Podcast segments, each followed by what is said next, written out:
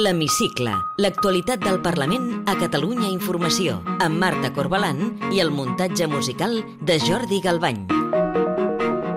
El Parlament avala la via de la negociació amb el govern de Pedro Sánchez per resoldre el conflicte polític entre Catalunya i l'estat espanyol.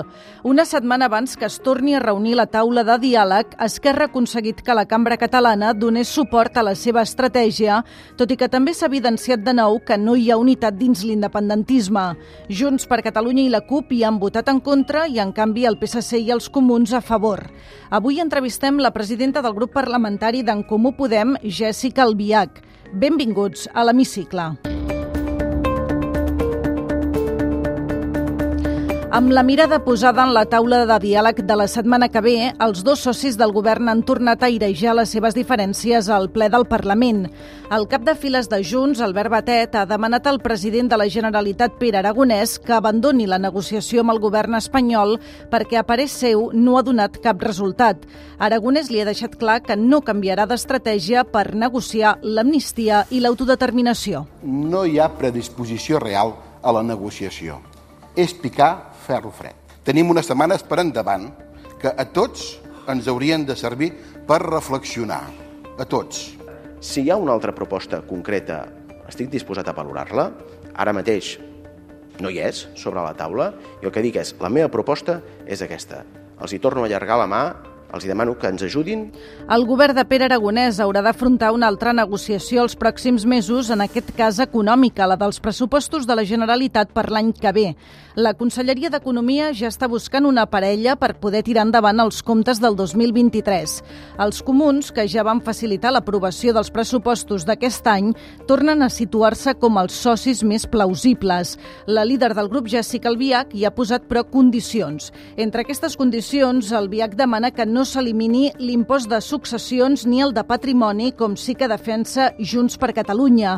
Aragonès s'ha compromès a no tocar-los. President, ja li dic que nosaltres no entrarem a negociar uns pressupostos que parlin d'eliminar aquests dos impostos que són els més redistributius que n'hi ha. I per això volem saber si vostè creu que en un context de crisi econòmica és el moment d'eliminar aquests dos impostos, el de patrimoni i el de successions. Això és una posició de partit que respecto, però que no està al pla de govern i, evidentment, tampoc és la meva. Els impostos redistributius s'han de preservar, especialment en un moment de crisi econòmica com l'actual.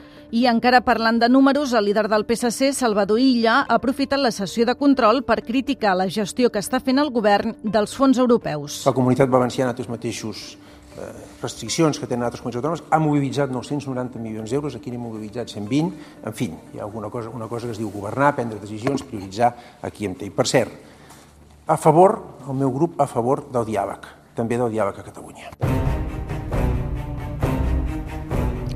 La causa judicial que esquitxa la presidenta del Parlament, Laura Borràs, per la seva gestió al capdavant de la institució de les lletres catalanes, ha tornat a irrompre aquesta setmana. La CUP, que fins ara s'havia posat de perfil en aquest cas, ha pujat el to i ha demanat a Borràs que s'aparti del càrrec després de ser acusada de prevaricació i falsedat documental i de quedar a les portes de judici. Així li ha traslladat el diputat copaire Xavier Pellicer. Volem traslladar públicament que demanem a la presidenta del Parlament que en un acte de responsabilitat s'aparti del càrrec. Pensem que si no ho fa, s'està forçant un nou escenari de descrèdit, un nou escenari d'utilització de l'independentisme per tapar una causa que, com ja hem dit, no té origen polític. Tots els grups de l'hemicicle, inclòs Esquerra, li han demanat que s'aparti. Només Junts per Catalunya ha tancat files amb la presidenta del Parlament. I, per cert, l'entorn més estret de Borràs també s'ha vist afectat per una altra polèmica. La seva mà dreta, el diputat francès de Dalmases, ha rebut crítiques de totes bandes després que transcendís que hauria coaccionat i intimidat una periodista de TV3. El seu partit li obrirà un expedient informatiu i Esquerra, la CUP, el PSC i els Comuns han demanat en una carta adreçada a la presidenta del Parlament que s'investigui si s'ha vulnerat el Codi de Conducta dels Diputats i s'emprenguin les accions pertinents.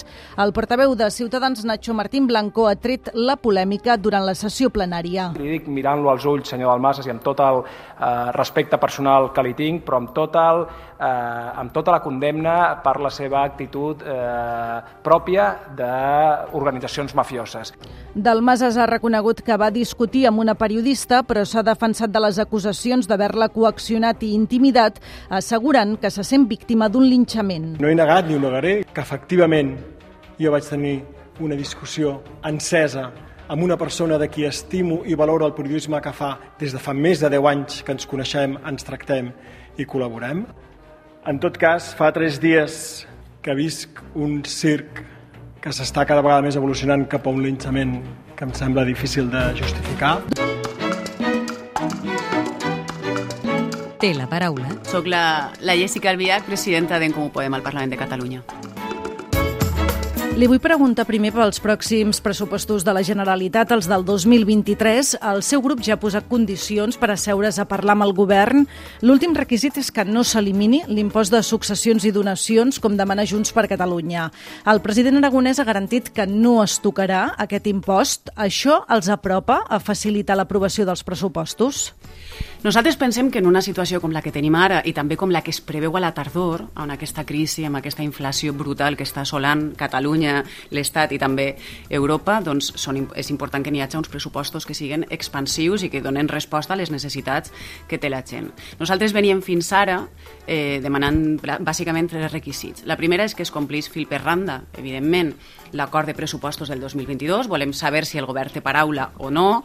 En segon lloc, que siguin uns pressupostos expansius, i, i a més també ara hem afegit la condició que, que comentaves arran del, bueno, doncs d'aquest congrés de Junts on parlaven directament d'eliminar l'impost de successions i de patrimoni. Estem parlant de 1.400 milions d'euros.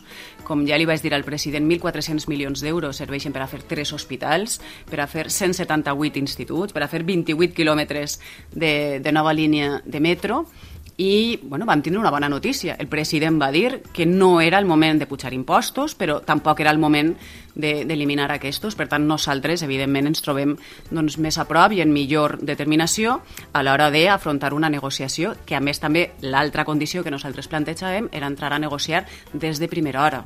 El que no pot ser, perquè en els anteriors ja ho vam viure, és entrar a tres dies de la votació de l'esmena a la totalitat. Per tant, el marge de maniobra és més petit i nosaltres aquí pensem doncs, que han de ser uns pressupostos que estiguen ben trebats, que siguin expansius, que siguin progressistes i que no siguin com el decret que va aprovar el govern fa poques setmanes per fer front a la crisi que està valorat en un milió i mig d'euros. Això, mm, si m'ho permets dir així, és com una broma, una pressa de pèl per la ciutadania. Una de les condicions que ha anomenat per asseure's a negociar els números amb el govern és que es compleixi l'acord pressupostari de l'any passat. Aquest acord s'està complint? Doncs s'està complint i no s'està complint, en funció de quin és el departament. Per exemple, parlàvem de sis cooperatives uh, de consum energètic. No n'hem vist encara cap estem veient com en matèria sanitària no s'estan reforçant suficientment les plantilles ni els recursos i això s'està patint ara en aquesta setena onada. Estem veient com el conseller Cambrai, el, el Departament d'Educació, doncs, està posant d'esquenes a tota la comunitat educativa doncs, perquè tampoc està eh, empenyent i imposant els recursos que són necessaris. Sí que te podria dir que n'hi ha, per exemple, en el tema de mobilitat, estem veient bona predisposició i estem veient, per exemple, tota la part dels trens lleugers, dels tren trams, dels quals quals parlem, tant al Camp de Tarragona com al Bages com a, a Pirineu, per exemple, doncs aquí sí que estem veient avanços. Parlem ara, si li sembla, de la taula de diàleg entre els governs català i espanyol que es tornarà a reunir la setmana que ve. Confia que s'hi pugui tancar ja algun acord? Jo crec que és imprescindible que es tanqui un acord. És cert que hem tingut molts mesos la taula del diàleg aturada, aturada com a mínim cap fora, perquè sap vostè que al final les negociacions de veritat sempre són de portes cap endins i sense, sense llum i taquígrafs. Jo crec que és important perquè pugui haver avanços, però és necessari eh, també per la confiança de la ciutadania en aquesta taula del diàleg que comença, que comença a donar fruits. Per tant, jo crec que n'hi haurà acords. El govern de Pere Aragonès reclama passes cap a la desjudicialització del conflicte polític. La reforma del delicte de sedició que defensa molt fermament el seu partit podria ser un dels acords de la taula de diàleg? Jo crec que seria una molt bona notícia pel país que la reforma del delicte de sedició, en aquest, en aquest cas és la reforma del Codi Penal, eh, seria una molt bona notícia pel país. Ho seria tant eh, per a les persones eh, que van patir la sentència de l'1 d'octubre, però no només. Eh, és, és una reforma que equipararia el nostre Codi Penal al, als codis penals d'altres països europeus i que també garantiria el dret de manifestació a tot aquell que vulgui, independentment si és per causa independentista o no ho és. Per tant, jo crec que ens ajudaria a eixamplar i a enfortir la nostra democràcia. Una de les polèmiques d'aquesta setmana aquí al Parlament és la que ha esquitxat el diputat de Junts per Catalunya, Francesc de Dalmases, per haver suposadament coaccionat i intimidat una periodista de TV3. Creu que la mesa del Parlament li hauria d'aplicar algun tipus de sanció?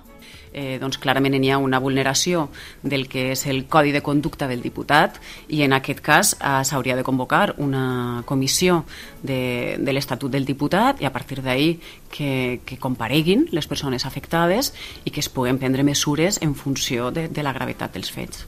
I quin tipus de mesures demana que prengui la mesa?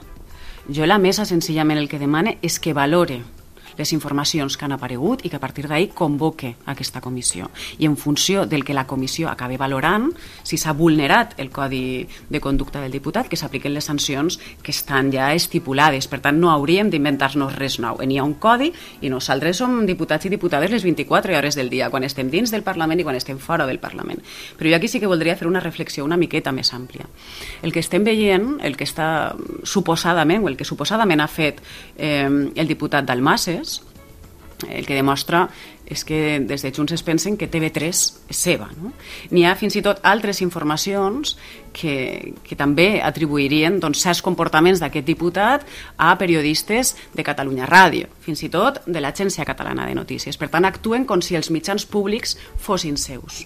Però és que, a més a més, jo crec que el comportament que està tenint la presidenta del Parlament, en aquest cas aferrant-se a, a la seva cadira, eh, i no volem fer un pas al costat si finalment li obrin judici oral, també és, d'alguna manera, actuar com si el Parlament eh, fos de la seva propietat, fos de la propietat de Junts. Per tant, veiem que Junts eh, es pensa que els mitjans públics, que el Parlament, que les institucions, que el país són seus, però no només això, sinó que fins i tot diria que es pensen que ells són el país no? i que per, per tant qualsevol qüestionament que es faci a la seva conducta estàs com qüestionant el país. No, miren, el país és divers i, i en el país són moltes i n'hi ha persones que vulneren el Codi de Diputats, que s'aferren a les institucions eh, malgrat això suposa un incompliment del reglament i n'hi ha d'altres que no ho fem, perquè per a mi la gran pregunta és si no fos algú de Junts i fos algú de qualsevol altre eh, grup parlamentari, d'una altra força política, ells què dirien?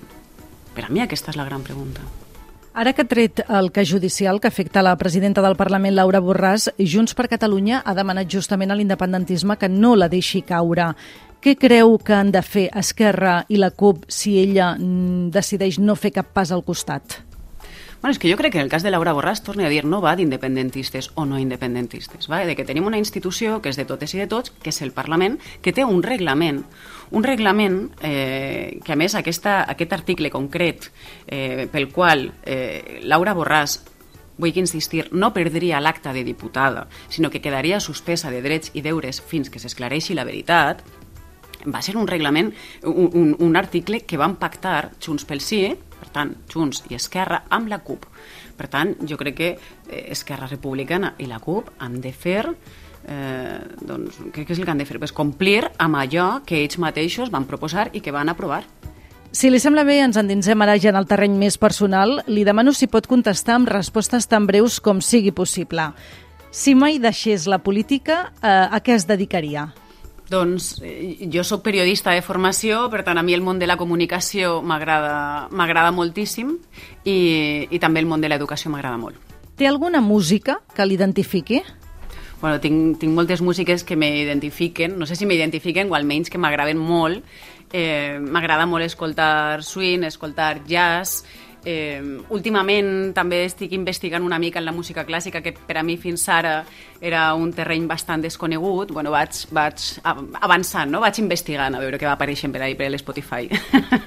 Si em permet una curiositat, per què li agraden tant les tortugues? Doncs eh, és una mica fricada. Jo, va començar quan era petita, una persona que per a mi doncs, eh, era molt important, que, que ja no està... Eh, em va regalar una tortuga quan jo era petita, i diguem que va ser com el meu animal de companyia, tot i que ara, ara no tindria una tortuga d'animal de companyia, crec que estan molt millor en llibertat, però en aquells moments aquella persona m'ho va fer amb tot l'amor i, i va ser com la meva mascota de quan jo era petita. Amb quin diputat o diputada que no sigui del seu grup compartiria una sobretaula distesa? El president de la Generalitat és diputat i, i la veritat és que bueno, parlem sovint, però sempre parlem de temes molt formals. No? Jo crec que seria com una bona oportunitat per conèixer-nos més en el terreny personal. I ja per acabar, completi la frase següent. El que més m'agradaria del món és... Doncs ara mateix que, que s'acabarà la guerra. Jessica Albiach, presidenta del grup parlamentari d'en Comú Podem, gràcies per atendre'ns a l'hemicicle de Catalunya Informació.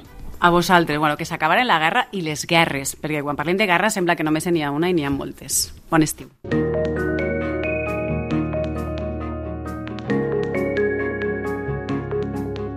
Podeu tornar a escoltar l'hemicicle al web catradio.cat barra hemicicle o al podcast del programa i seguir l'actualitat del Parlament al perfil de Twitter arroba L-hemicicle.